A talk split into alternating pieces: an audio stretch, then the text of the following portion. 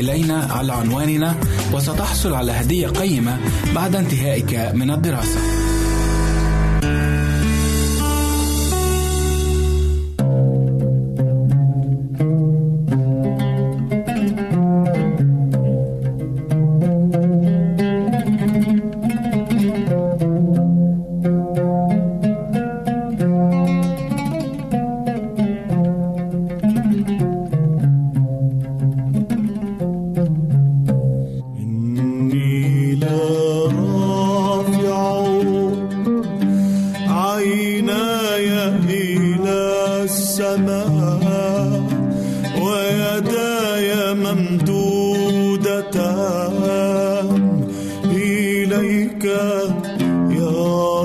رب العلا اسمع صلاة.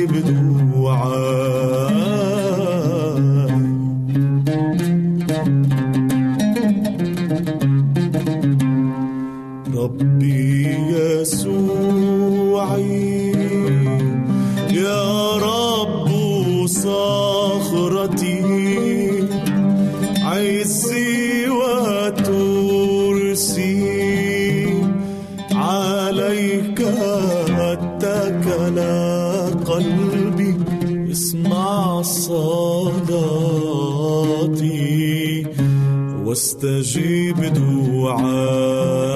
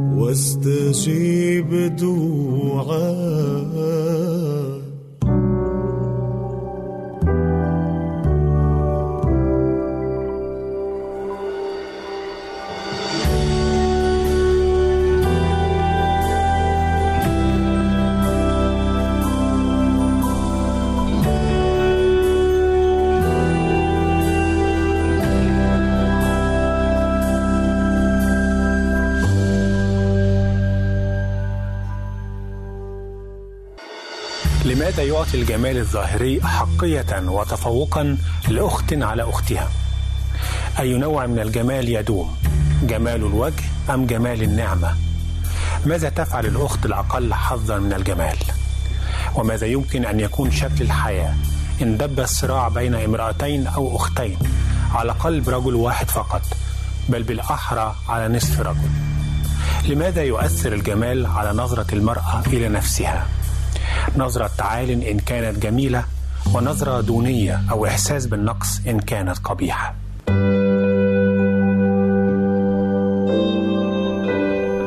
أهلا وسهلا بكم في حلقة جديدة من برنامج علاقات رمادي شخصية اليوم ليئة ورحيل والصراع بينهما.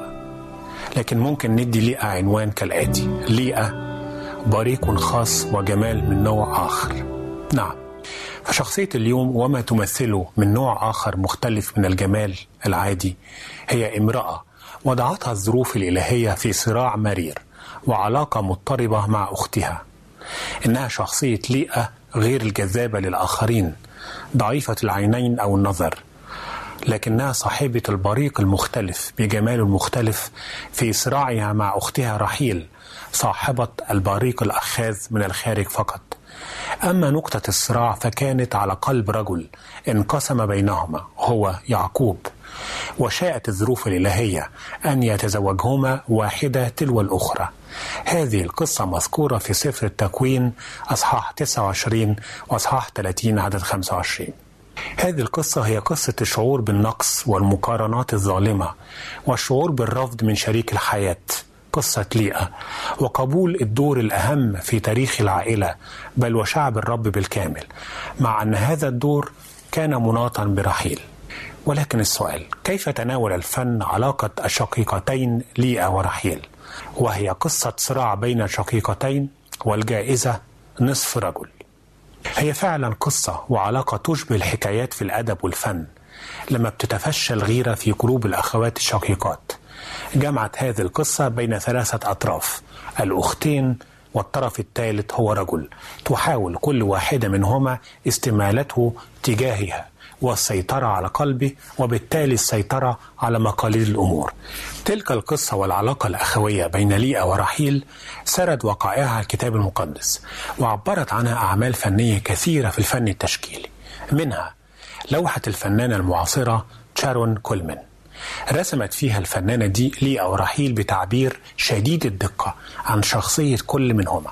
ليئة تبدو مصابة العينين فعلا منحنية الجسد وكأنها تعاني من كسرة نفسية وشعور بالضعف أمام أختها رحيل التي تبدو مزهوة بجمالها وهي تقودها وهي ممسكة رحيل بيدها وكأنها هي من تقود أو من في الواقع الأكثر سيطرة. تمثال ليئة لمايكل أنجلو الفنان الأشهر في عصر النهضة. فيه خلد مايكل أنجلو شخصية ليئة وعظمها على طريقته الفنية. من خلال نحته لتمثال شهير موجود لها في قبر البابا يوليوس الثاني في سان بيترو وهو ينحتها بشخصية شامخة عظيمة الإيمان.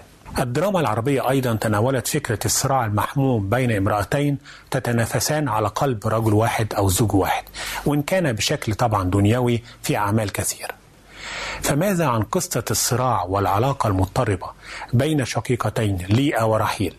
بين القليلة الجمال في أعين الآخرين وبين الجميلة جدا كما قدم تفاصيلها الكتاب المقدس. وماذا يمكن أن نتعلمه من شخصية ليئة وعلاقتها بأختها رحيل الأكثر جمالا منها بل الأكثر حظوة عند زوجها يعقوب. بل ما هي الرسالة التي ما زالت ترسلها ليئة القبيحة المنظر الذهبية القلب الجميلة من الداخل. لكل امرأة تشعر الآن بأنها أقل حظا من أختها في الجمال أو في الحب.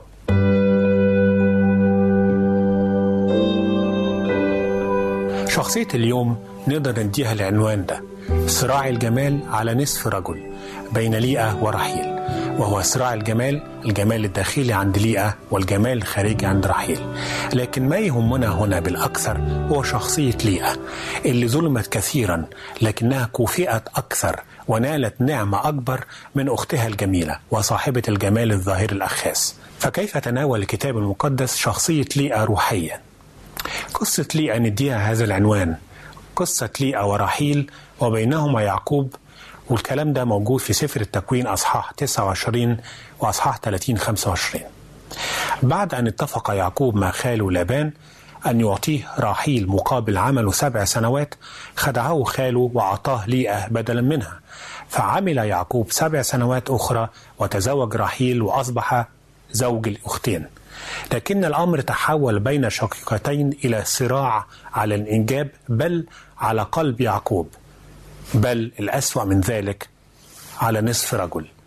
أنجبت لي ليعقوب ستة أولاد بينما راحيل كانت مقفولة الرحم حتى وقت متأخر ثم أصبح لديها ولدين.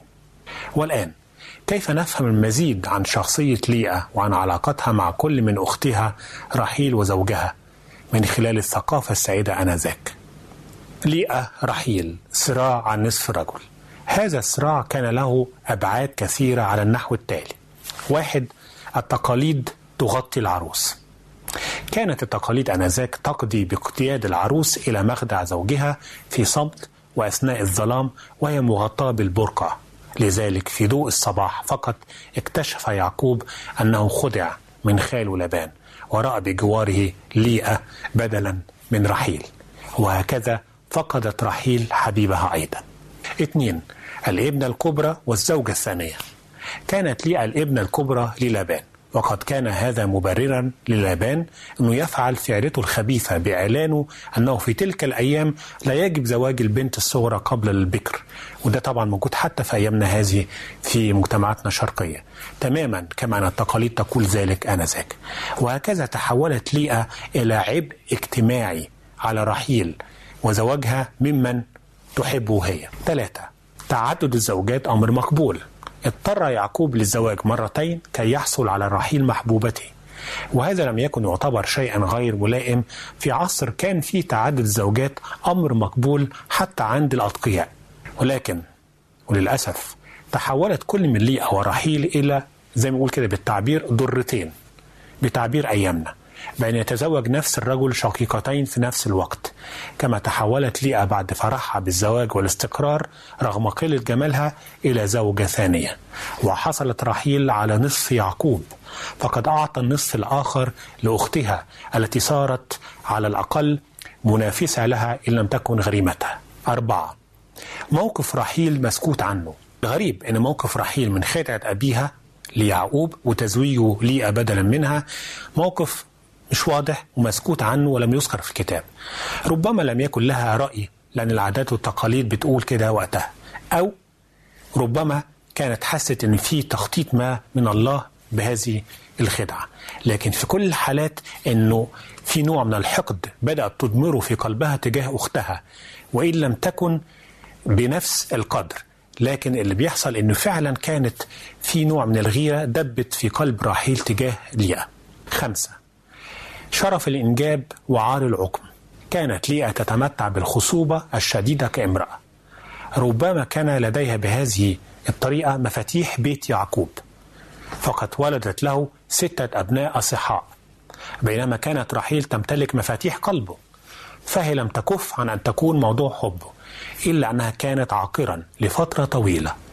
إلى أن ولدت له اثنين فقط. لكن كان كيان رحيل كله ينحصر في رغبتها أن تكون أما. وبكت ليعقوب قائلة هب لي بنين وإلا فأنا أموت. لقد سبب عقمها المستمر نكدا واضطرابا لا مبرر له في نفسها. فرؤية أبناء ليئة السعداء الكثيرين اللي بيملوا البيت ملاها هي بالغيرة. ويا للألم اللي تنطوي عليه هذه العبارة من رحيل أو من الكتاب المقدس. أما رحيل فكانت عاقرة. وهكذا أفسد حسدها ومنافستها علاقتها مع أختها على حد تعبير التفسير التطبيقي للكتاب المقدس. ستة الصراع على أكثر من مستوى بين الأختين. هكذا نشأ ونمى الصراع بين الشقيقتين ليئة ورحيل على المستوى العاطفي حيث الصراع على قلب يعقوب وعلى المستوى العائلي والاجتماعي أيضا حيث خصوبة وإنجاب ليئة وتأخر خصوبة وإنجاب رحيل. لكن من نفس هذا الصراع نستطيع اكتشاف ملامح ليئة الروحية الجميلة وهي يمكن تلخيصها في الآتي. واحد امرأة مخلصة رغم ضعفها. ليئة كاسم له أكثر من معنى منهكة أو ضعيفة بسبب المرض في إشارة محتملة لحالتها الحرجة عند ميلادها أو معناه أيضا متزوجة أو ربة بيت. وبالجمع بين المعنيين وبالنظر إلى أن عينيها اللتين كان ينقصهما ذلك البريق تميزت أختها رحيل في المقابل بأنها كانت حسنة الصورة وحسنة المنظر على حد تعبير الكتاب. لكن تأتي ليئة بضعفها كزوجة وربة بيت فهذا هو دورها الذي قامت به حتى النهاية بكل إخلاص.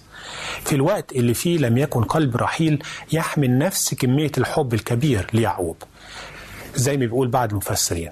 أما ليئة فإن ما كان ينقصها فقط من جمال عوضته في إخلاصها ليعقوب كزوجة وكأم صالحة لأبنائها بالرغم من أنها كانت تعرف أن قلب زوجها لم يكن معها بل مع رحيل لكنها أحبته بصدق وكانت مخلصة له حتى دفنها في مغارة المكفيلة.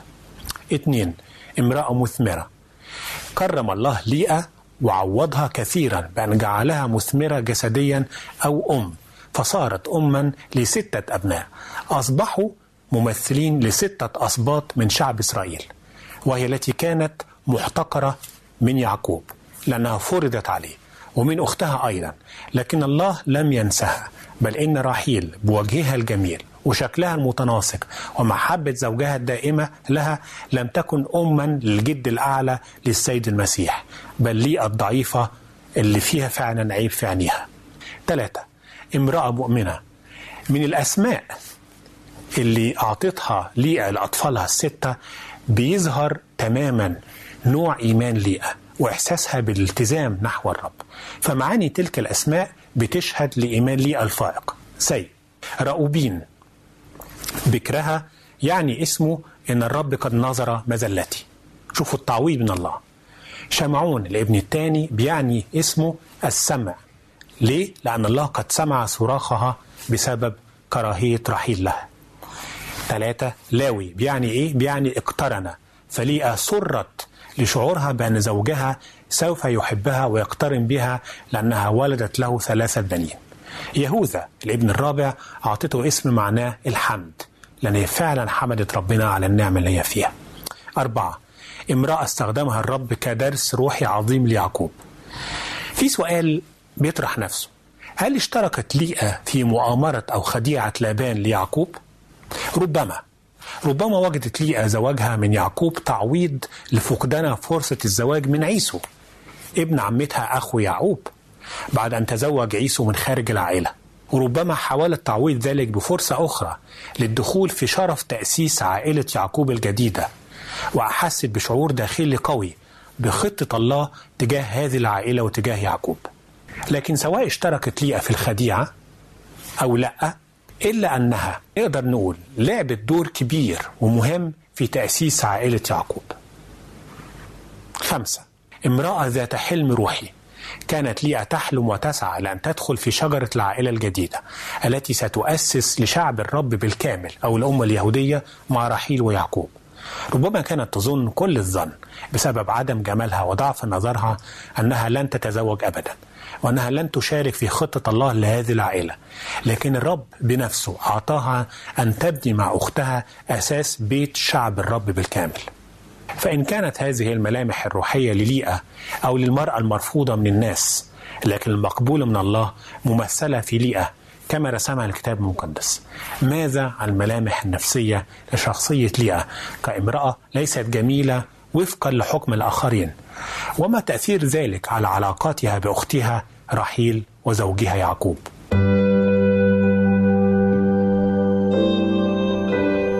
كيف نتعرف على شخصية ليئة من علم نفس الشخصية واحد امرأة مرفوضة. ظروف زواج ليئة بيعقوب قدمتها على أنها عروس بديلة وأداة غش وخداع في يد أبيها لابان ولابد أنها تلقت صدمة يعقوب بحزن حين تعرف عليها كعروس في الصباح وهي عروس غير معروف فيها. فهي امرأة عادية المظهر بدلا من رحيل الجميلة وبالتالي فأي عروس هذه تحلم بليلة العمر تشاهد نظرة الفزع والرفض وتعبير الصدمة على وجه عرسها اثنين امرأة مكروهة من أختها. كانت ليئة تعاني من كراهية أختها رحيل. لأنها بالطبع أخذت منها حبيبها.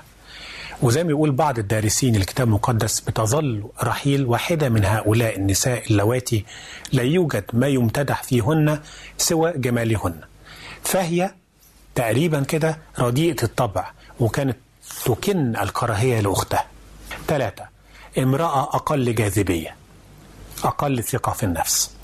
الجاذبية بتعطي المرأة ثقة في النفس أما الأقل جاذبية فلديها بالتالي ثقة أقل. كانت عينين ليئة ضعيفة. أي أنه كان هناك عيب ما يشوب عينيها مما يجعلها أقل جاذبية من رحيل التي خلبت لب يعقوب بجمالها الجسدي. أربعة امرأة جميلة من الداخل. نعم ليئة غير الجذابة ربما تعرضت لنفور الآخرين منها لكن الله كان منجذبا إليها بسبب الجمال الداخلي اللي كان بينقص رحيل. عشان كده بيقول كيبر أحد الدارسين في الكتاب يوجد نوعان من الجمال. جمال يعطيه الله عند الولادة ويذبل كالزهرة وجمال يمنحه الله عندما يولد الإنسان ثانية بالنعمة. هذا الجمال لا يختفي أبدا بل يزهر إلى الأبد. فمن خلف وجوه كثيرة قد تبدو غير جذابة أو قبيحة هناك ميل في القلب الجميل والله لا ينظر إلى الخارج بل إلى القلب. خمسة امرأة تعاني الشعور العميق بالنقص.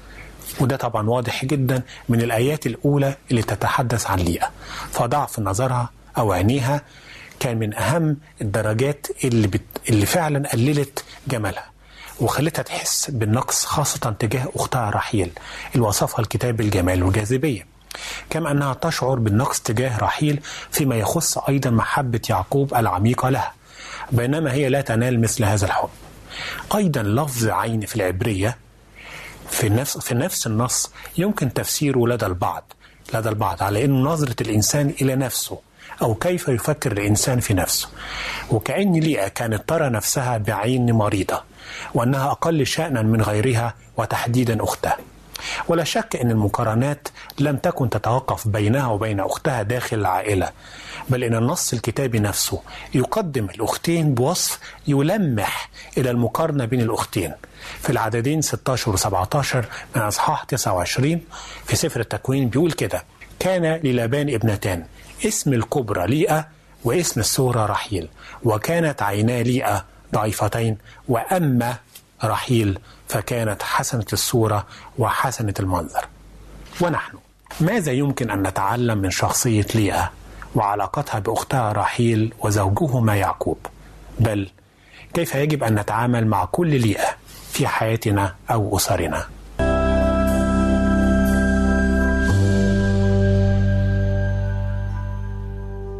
عزيزي المستمع يمكنك مراسلتنا على البريد الإلكتروني التالي Arabic at awr.org العنوان مرة أخرى Arabic at awr.org ونحن في انتظار رسائلك واقتراحاتك. أنتم تستمعون إلى إذاعة صوت الوعي.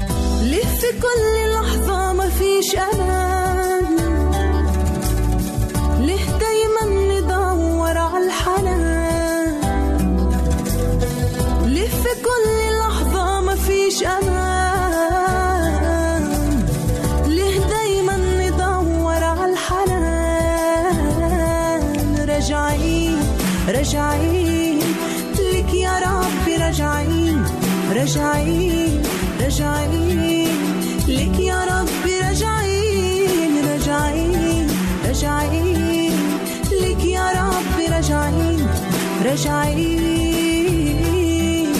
لك يا ربي راجعين ليه مش لاقيين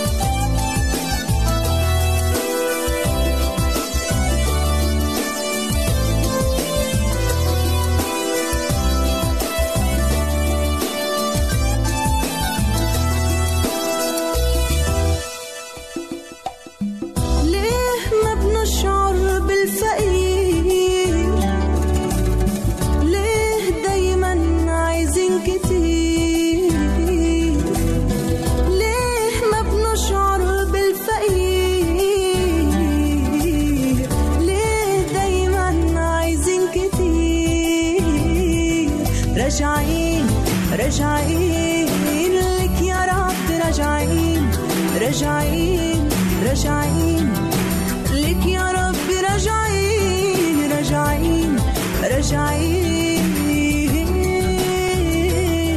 راجعين راجعين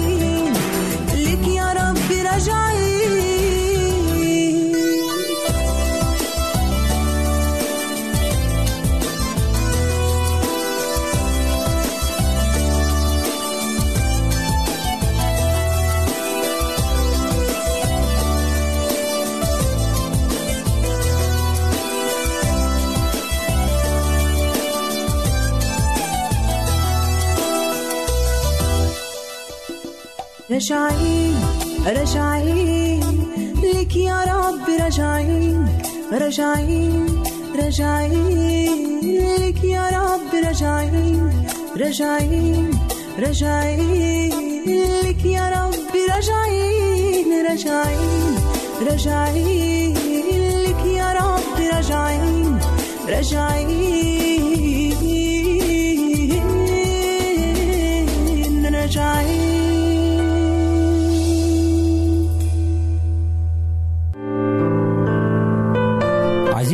المستمع يمكنك مراسلتنا على عنواننا الإلكتروني Arabic at awr.org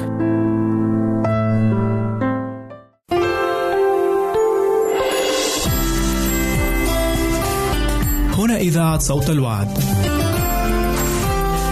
لكي يكون الوعد من نصيبك.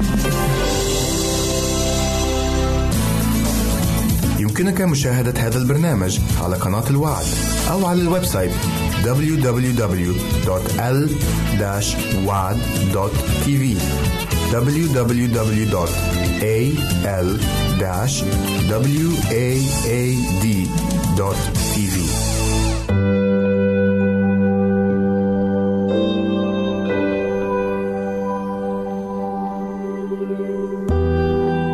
بعد أن استعرضنا الملامح الفنية والروحية والنفسية لشخصية ليئة وصراعها مع رحيل. نيجي السؤال المهم كيف نتعامل مع شخصية مثل ليئة؟ وكل ليئة في أيامنا هذه دفعتها الظروف لأن تكون مكروهة ومرفوضة وأقل جمالا من الأقربين إليها.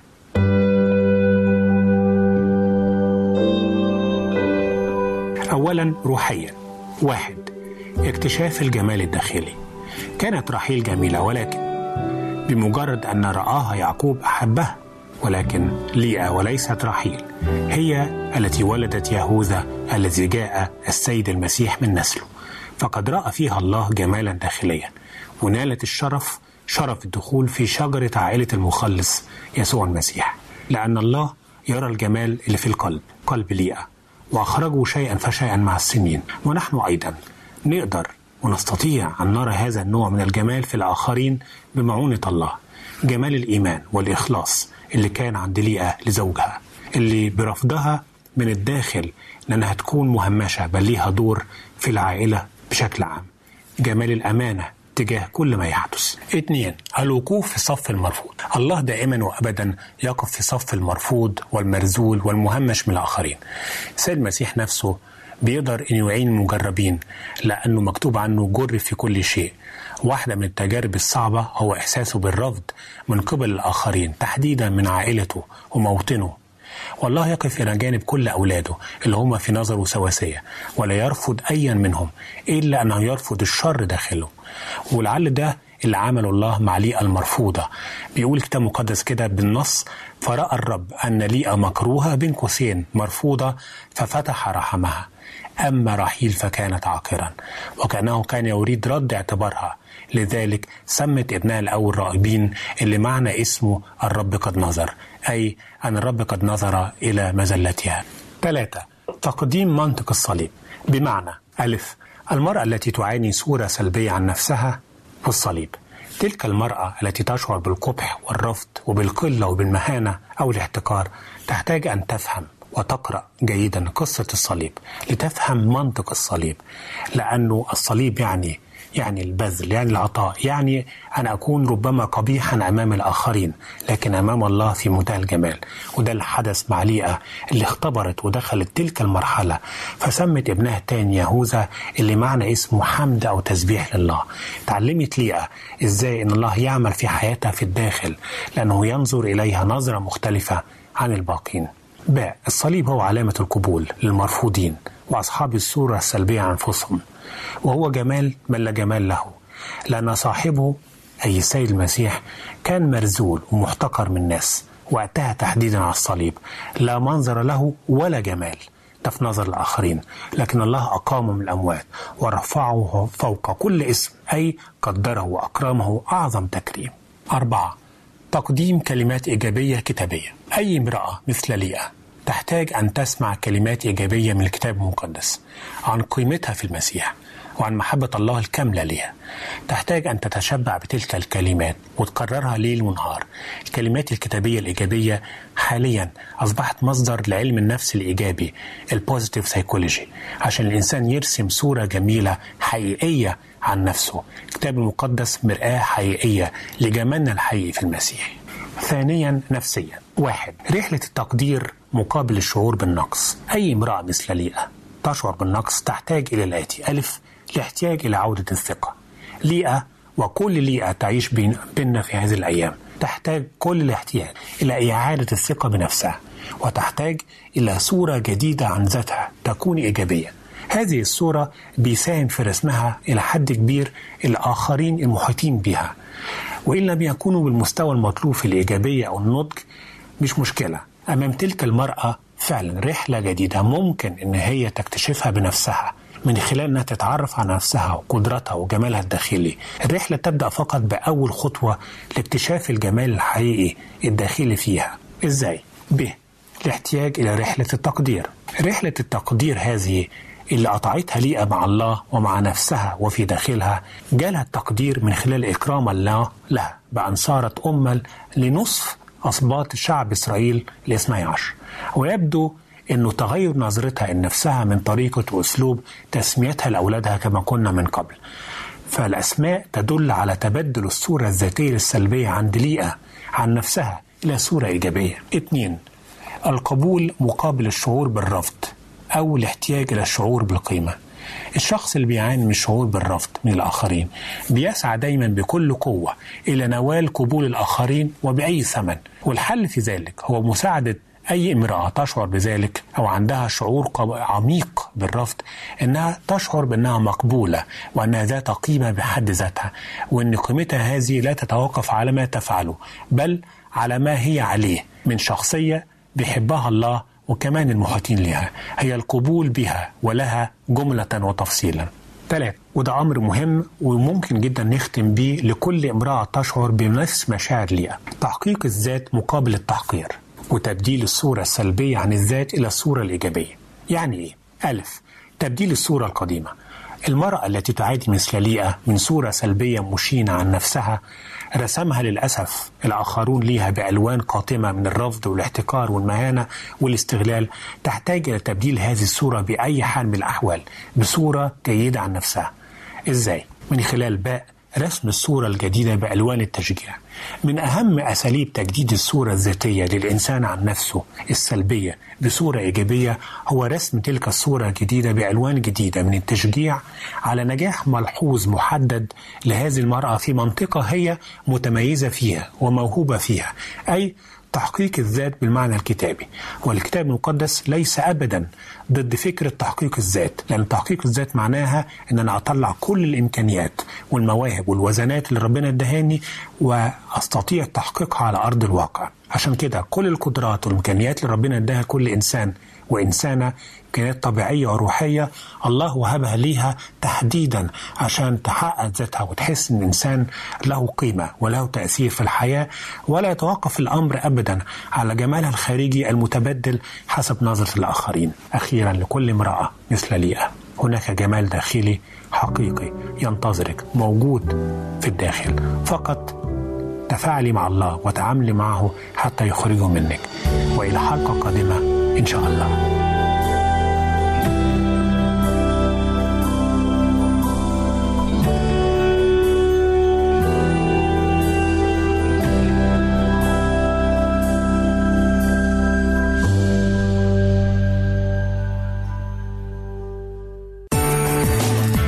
دراسة الكتاب المقدس يمكنك الكتابة إلينا على عنواننا وستحصل على هدية قيمة بعد انتهائك من الدراسة.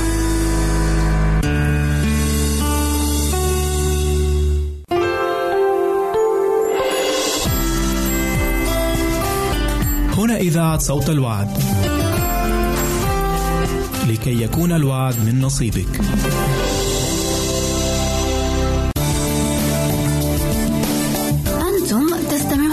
إذاعة صوت الوعد.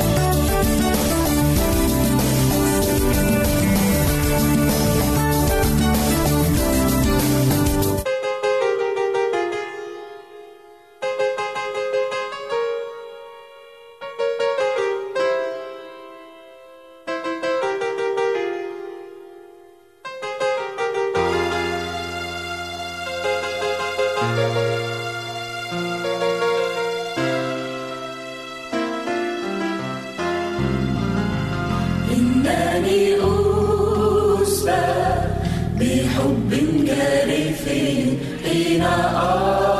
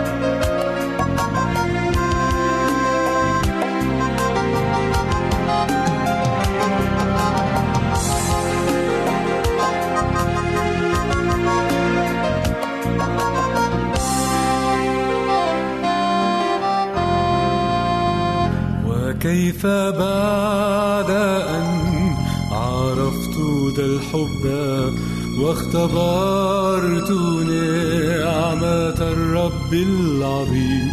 أصنع الشر وأجرح قلبه محزنا ربي وخلي الحميم. إنني أبغي السماء العيش للعالم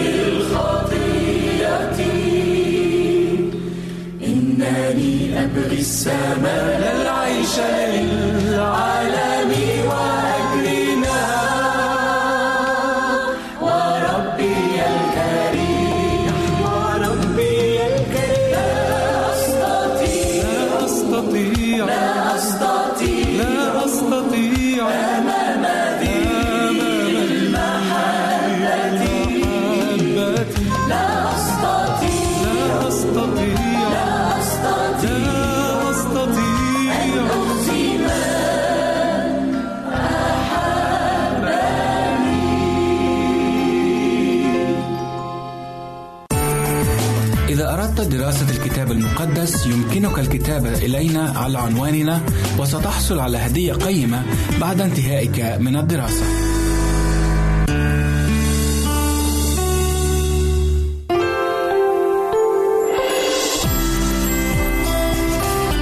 هنا إذاعة صوت الوعد. لكي يكون الوعد من نصيبك.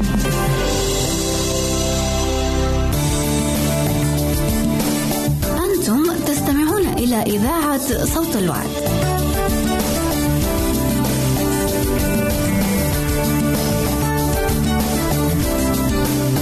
أهلا وسهلا بكم أحبائي المستمعين والمستمعات في حلقة جديدة من برنامجكم أمثال الحكيم حلقة اليوم مأخوذة من سفر الأمثال إصحاح عشرة وعدد ستة وعشرين يقول الحكيم كالخل للأسنان وكل دخان للعينين كذلك الكسلان للذين أرسلوه.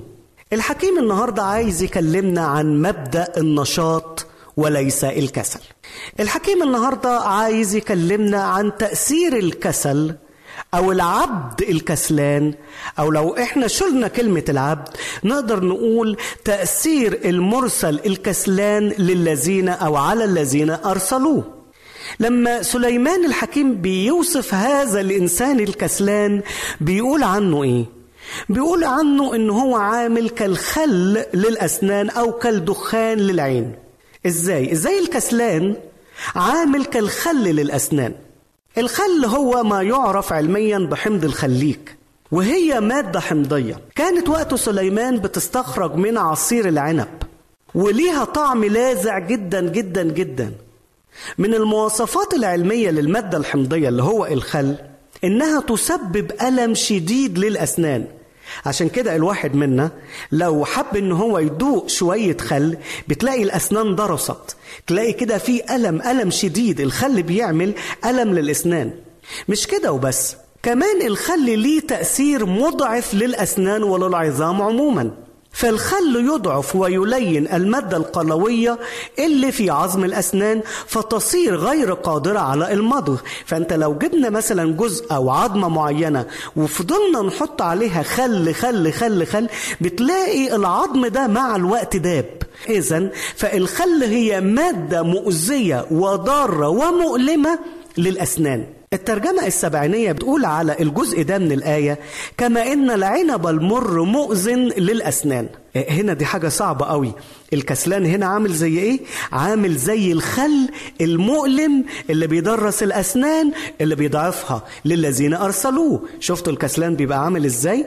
الكسلان كمان عامل زي الدخان للعين زي الدخان للعين. لو في حد فينا قبل كده آه اتلسع من الدخان بيعرف الدخان بيعمل إيه في العين. فلسعة الدخان في العين مؤلمة جدا جدا جدا. وبكون النتيجة إن الإنسان اللي بيتعرض للدخان بيجي له التهابات شديدة جدا في العين وده نتيجة الالتهابات بيحصل إيه؟ بيحصل عدم وضوح في الرؤية. فالإنسان لما بيكون عينه ملتهبة ما يقدرش يشوف يحاول إن هو يشوف يحاول إن هو يمشي في الطريق يبقى خطر جدا جدا على إنسان تكون عنده التهابات في العيون إن هو مثلا يمشي في وسط زحمة السيارات. صعبة جدا. ما يقدرش يمي- يميز مين اللي جاي من الرايح والأخطر من كده كمان إن هو ما يقدرش يمشي بالليل مثلا ما يقدرش يمشي بالليل. ليه؟ لأن كل الرؤية بالنسبة له ما فيهاش وضوح. الكتاب المقدس بيقول سليمان الحكيم هنا بيقول إن الرسول الكسلان المماطل في تأدية مهمته بيكون ليه نفس التأثير الضار على الإنسان اللي أرسله. زي ما الدخان بيعمي ويضايق العين ويسبب لها عدم الوضوح والالتهاب. كمان الغيظ المستمر بيصيب الإنسان اللي أرسل واحد كسلان. مين هو الكسلان؟ أو إيه صفات الكسلان؟ لو جينا نعرف ونشوف صفات الكسلان عموما بنلاقي إن الكسلان ده فيه حاجات كده آه، تخلي الواحد يتضايق جدا تخلي الواحد ما يقدرش يتحكم كده في مشاعره. فالكسلان مثلا لا يبالي بظروف الآخرين. خلاص؟ فممكن إن هو يعمل الحاجة اللي تاخد مثلا عشر دقايق يعملها في ساعة. طب ليه ليه؟ يقول لك أنا مالي أنا أعمل الحاجة اللي أنا اعملها أعملها براحتي. فممكن واحد كسلان مثلا بسبب كسله يا أحباء ممكن إنه هو يكسل يرفع سماعة التليفون يتكلم بالإسعاف عشان ينقذ واحد مريض محتاج يروح المستشفى عاجلا وبكسله يفضل طب دقيقتين طب أما أكل طب أما أشرب طب أما أخلص الكوباية الحاجة السخنة طب أنا محتاج سندوتش تاني طب اكوي الهدوم. ويبتدي يبالي عدم المبالاة دوا معناها إن هو مش حاسس بغيره. والإنسان الكسلان عموما ما عندوش إحساس بالآخرين لأن لو عنده إحساس بالآخرين مش هيبقى كسلان. لو عنده إحساس بالآخرين هيبقى عنده الغيرة إن هو يقوم بسرعة ويقوم بهمة ويعمل الشيء في الوقت المناسب وما يتباطأش لأنه حاسس بظروف غيره وشايف إن غيره محتاج للمهمة دي إزاي؟ فيقول لنفسه إزاي أنا أتباطأ عن تأدية الخدمة دي؟ إزاي أنا أتباطأ عن إن أنا أكون إنسان ذو قدارة ما أقدرش فالإنسان الكسلان دايما بيتباطأ لأنه لا يقدر ولا يبالي بظروف الآخرين. الإنسان الكسلان كمان يا جماعة لو عايز تعرف واحد كسلان إزاي؟ الإنسان الكسلان دايما يهتم براحته أكتر من أي شيء آخر. فمثلا لو طلب من الكسلان إنه يعمل شيء معين يحتاج جهد للآخرين يقول لك ولا أعمله ليه؟ أنا مالي أنا أتعب نفسي عشان غيري ليه؟ يقول لك أنا دي حاجة ما تخصنيش. ودايما تحس إن هو إنسان سلبي من كل شيء. إنسان سلبي إنسان سلبي دايما. يعني مثلا لو شاف حاجة ممكن تكون واقعة في الأرض بتاعت حد ما يكلفش نفسه إن هو يشيلها من مكانها. ليه؟ كسلان كسلان. ممكن يفقد الشيء ده وممكن يكون الشيء ده غالي عند واحد مهم جدا جدا. لكن بالنسبة له هو ولا يهمه. ليه؟ لأن أنا ليه أتعب نفسي؟ ليه أتعب نفسي وأعمل حاجة وأعمل حاجة آه، مش مطلوب مني إن أنا أعملها؟ لأنه كسلان يا جماعة كسلان. فراحته أهم من أي شيء آخر. أنا أسمع عن ناس إن هم مثلا بيواجهوا مشاكل في البيوت. ليه؟ لأن الزوجة بتطلب من زوجها آه، من فضلك روح وصل للأطفال الصبح للمدرسة. أنا مثلا مشغولة في البيت أنا تعبانة ظروف الصحية مش قادرة أنا ما بعرفش أقود سيارة أنت اللي بتعرف. ممكن ينام ينام ينام والمدرسة تضيع على أولاده. ويوم واثنين وثلاثه والحكاية تتكرر بشكل مستفز. تيجي بعد كده الزوجة تشتكي. جوزي كسلان. ليه كسلان؟ لأنه بيفضل راحته على إنه يساعد الآخرين. صفة أخرى من صفات الكسلان إنه لا يدرك حجم المسؤولية الملتقاة على عاتقه. مش دريان مش فاهم إن الحاجة اللي هو بيعملها ليها أهمية عند ناس آخرين. فأنت تخيل مثلا إن برغم التكنولوجيا اللي إحنا فيها ووسائل الاتصالات الحديثة لكن ما زالت أأمن طريقة لنقل الرسائل خصوصا الرسائل العسكرية هي اللي بتتم بالطريق المباشر. إن القائد يبعت جندي لقائد آخر ويوصل الطريقة مباشرة. بالشكل ده لا هيحصل قرصنة ولا هيحصل تجسس لأن دي حاجة أأمن وسيلة لحد دلوقتي. وجدوها. تخيل لو الجندي ده حمل رسالة وهو في حرب والجندي ده كسلان إيه اللي ممكن النتائج تحصل؟ لو الأمر ما وصلش في الوقت المناسب لو الرسالة دي ما وصلتش في الوقت المحدد ليها ممكن إنه مش بس يكون في خطر على الجنود نفسهم لكن ممكن الدولة كلها أو المملكة كلها تخسر الحرب. بسبب إيه؟ بسبب إن هذا الجندي لا يعلم حجم المسؤولية الملقاة على عاتقه. كسلان وهو مش عارف مش عارف إن بين إيديه حياة أو موت للآخرين. ولكن الكسلان عامل زي الخل للأسنان عامل زي الدخان للعين. إيه تاني؟ إيه مواصفات تانية من مواصفات الكسلان؟ الكسلان دايما يلقي باللوم على الآخرين ليبرئ نفسه من المسؤولية. وده في المثل اللي قاله الرب يسوع عن مثل الوزنات. جه العبد اللي عطى له الوزن الواحده وما شغلهاش بيقول له يا عرفت أنك تحصد من حيث لا تزرع. أنا عارف إن أنت عبد قاسي شرير. دايما يلوم الآخرين. دايما يحط اللوم على الآخرين. هو يفشل بسبب كسله وبعد كده يقول لا ده الآخرين هم اللي فشلوني. أنا لو لقيت الفرصة المناسبة ما كنتش هوصل للي أنا وصلت ليه. والناس تقول له طب وإحنا هنعمل إيه أكتر من اللي إحنا عملناه؟ أنت بسبب كسلك بسبب إهمالك بسبب عدم الشعور بالمسؤولية أنت اللي وصلت نفسك لكده. أنت اللي وصلت نفسك تبقى خل للأسنان تبقى دخان للعين. وعشان كده النتيجة بتكون إيه؟ إن هذا الإنسان الكسلان لا يجد من يثق فيه أو يعتمد عليه مرة أخرى لأنه ليس محل لهذه الثقة هنا بنلاقي النوع ده من الناس بيفقد ثقة الناس فيه بسبب كسله بسبب رخاوته بسبب عدم اهتمامه بسبب عدم اللامبالاة أو اللامبالاة اللي بيتمتع بيها وأصعب لا مبالاة أو كسل. لما أكون في مجال الخدمة لما إنسان المفروض أنه بيخدم ربنا ولكن بيفضل راحته الشخصية على أنه يروح يخدم ربنا. ربنا هيجي في النهاية ويسأله يقول له إيه اللي أنت عملته؟ بسبب كسلك بسبب نومك بسبب رخوتك ضيعت فرص كتيرة. كان في ناس تقدر إنها تنقذ من الموت والهلاك لكن أنت السبب من دمه أطلبه من يدك. وعشان كده الكتاب بيقول إيه؟ ملعون من يعمل عمل الرب برخاوة. ملعون من يعمل عمل الرب برخاوة. يلا بينا أحبائي نتعلم النشاط في حياتنا وفي تصرفاتنا كمان. لو ما عندناش وقت محدد نصلي فيه مثلا ونقرأ فيه كلمة ربنا يلا من النهاردة نبطل كسل وتباطؤ. من النهاردة نخصص وقت لربنا علشان نتكلم فيها معاه ونسمع صوته لما نقرأ كلمته. مش هنكون كسالى مرة تانية. هنكون نشطاء في اسم الرب يسوع. آمين. سعدت أحبائي بوجودي معكم. على أمل اللقاء في حلقة أخرى سلام الرب معكم وإلى اللقاء.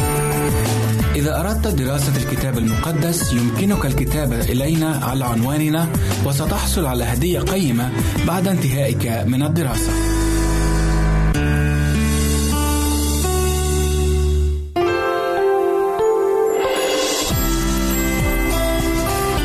هنا إذاعة صوت الوعد. لكي يكون الوعد من نصيبك.